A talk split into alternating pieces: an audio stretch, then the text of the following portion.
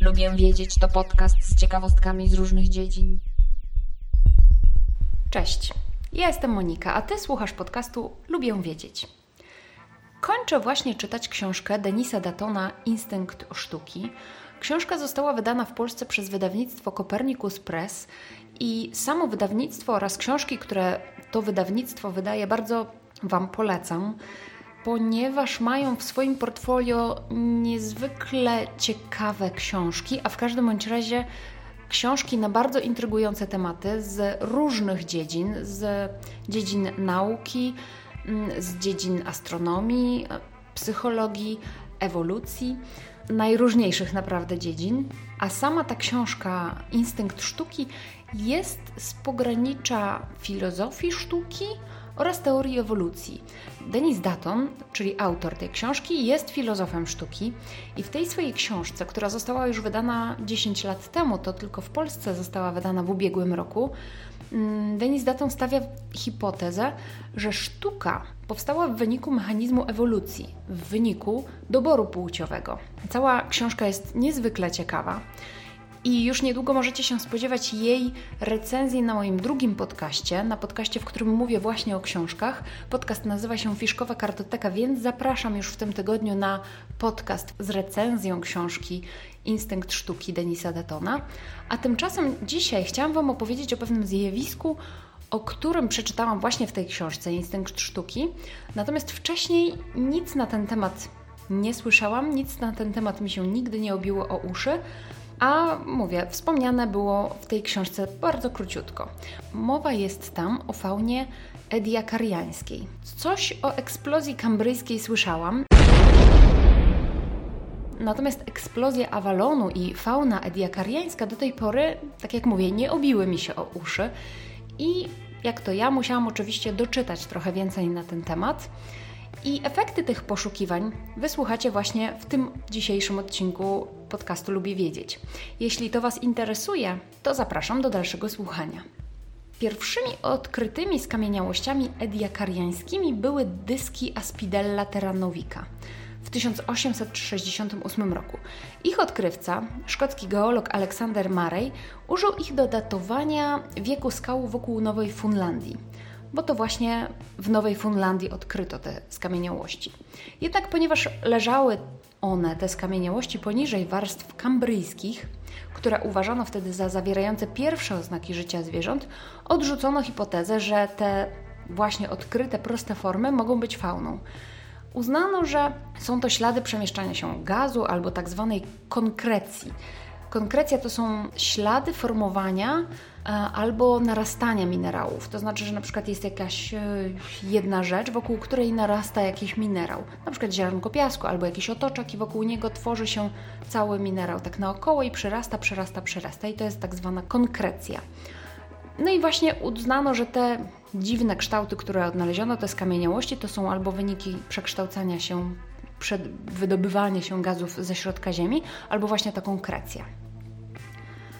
Mm, później, ponad 60 lat później, w 1933 roku, George Gurich odkrył podobne ślady w Namibii, ale ponownie przypisano je do okresu kambryjskiego i nie powiązano tego znaleziska ze znaleziskiem Aspidella terranovica w Nowej Fundlandii. Później, znowu w 1946 roku, Reg Sprigg zauważył tzw. Tak meduzy w Ediacara Hills w Australii ale skały te uważano za wczesnokambryjskie, więc od, chociaż odkrycie wzbudziło pewne zainteresowanie, to niewiele uwagi mu poświęcono. I dopiero brytyjskie odkrycie skamielin w kształcie liścia w Charnwood Forest w 1956 roku, całkiem blisko Birmingham, zmieniło ogląd na te znaleziska. Otóż w Wielkiej Brytanii było bardzo szczegółowe mapowanie geologiczne, i dlatego nie było wątpliwości, że te odnalezione skamieniałości znajdowały się w skałach prekambryjskich, czyli zanim nastał Kambr. Paleontolog Martin Glessner w końcu 1959 roku połączył te brytyjskie znaleziska z odkryciami z Nowej Fundlandii, Namibii i Australii, a także z innymi znaleziskami na całym świecie. Skamieniałości fauny ediakarańskiej odkryto na całym świecie w około 25 miejscowościach. Bardzo możliwe, że już jest ich więcej niż 25. Początkowo te wszystkie znaleziska miały swoje nazwy, zwykle pochodzące od nazw geograficznych lokalizacji tych znalezisk. I dopiero w marcu 2004 roku Międzynarodowa Unia Nauk Geologicznych zakończyła tę niespójność, formalnie określając termin końcowy neoproterozoiku od australijskiej miejscowości Ediacara i dlatego mówimy właśnie o faunie ediakarańskiej. Po angielsku Ediacaran biota. Ponieważ pojawiło się tu trochę nazw archeologicznych, to może tak na szybko i dosyć powierzchownie wytłumaczę albo przypomnę Wam, bo prawdopodobnie słyszeliście już te nazwy, o co chodzi z tym całym kambrem, proterozoikiem i innymi tego rodzaju nazwami. Otóż tak, historia Ziemi od samego jej początku dzielona jest na różne okresy. Okresy te oddzielone są od siebie umownie na podstawie różnic pewnych zjawisk, najpierw geologicznych, później pojawiających się roślin i zwierząt. Wielkie ery dzielone są na krótsze okresy. I tak mamy eony, które dzielą się na ery, które dzielą się na okresy, a te z kolei na epoki, które dzielą się na wieki. I tak dwa pierwsze eony, czyli te najdłuższe jakby okresy właśnie geologiczne, to archaik i proterozoik. One trwały od 4 miliardów lat temu do około 635 milionów lat temu. Ostatnim okresem proterozoiku był Ediakar, kiedy to klimat się ocieplił i nastąpiło pierwsze masowe pojawienie się organizmów wielokomórkowych, znanych właśnie jako fauna ediakarańska, o której dzisiaj mówię. Czyli Ediakar, wtedy była fauna ediakarańska i jest to około 635 milionów lat temu. Następnie po tym Ediakarze nastąpił nastąpiła nowa era zwana fanerozoikiem. Fanerozoik trwa do dzisiaj, a dzieli się na paleozoik, mezozoik i do dzisiaj trwający kenozoik. Paleozoik, czyli najwcześniejszy okres fanerozoiku, dzieli się z kolei na sześć okresów. Kambr, Ordowik, Sylur, Devon, Karbon i Perm. I te prawdopodobnie nazwy już na pewno Wam się obiły o uszy, bo to są takie najbardziej znane paleologiczne okresy w dziejach, które są też wspominane w szkołach, w muzeach geologicznych. Wtedy się też formowało bardzo dużo znanych nam już właśnie organizmów, które pozostały do, do dzisiejszych czasów jako skamieniałości. Z tej ery właśnie, czyli z paleozoiku, wspominam o okresie kambryjskim. Wtedy to nastąpiła wspomniana już kambryjska eksplozja ewolucyjna, czyli nagły rozwój organizmów, które posiadały szkielety. Przypuszczalnie ta eksplozja ewolucyjna związana była z ustąpieniem zlodowaceń i zwiększeniem się ilości tlenu w atmosferze. Pozostawiła ona po sobie liczne skamieniałości, tak jak mówiłam, i liczne ślady organiczne.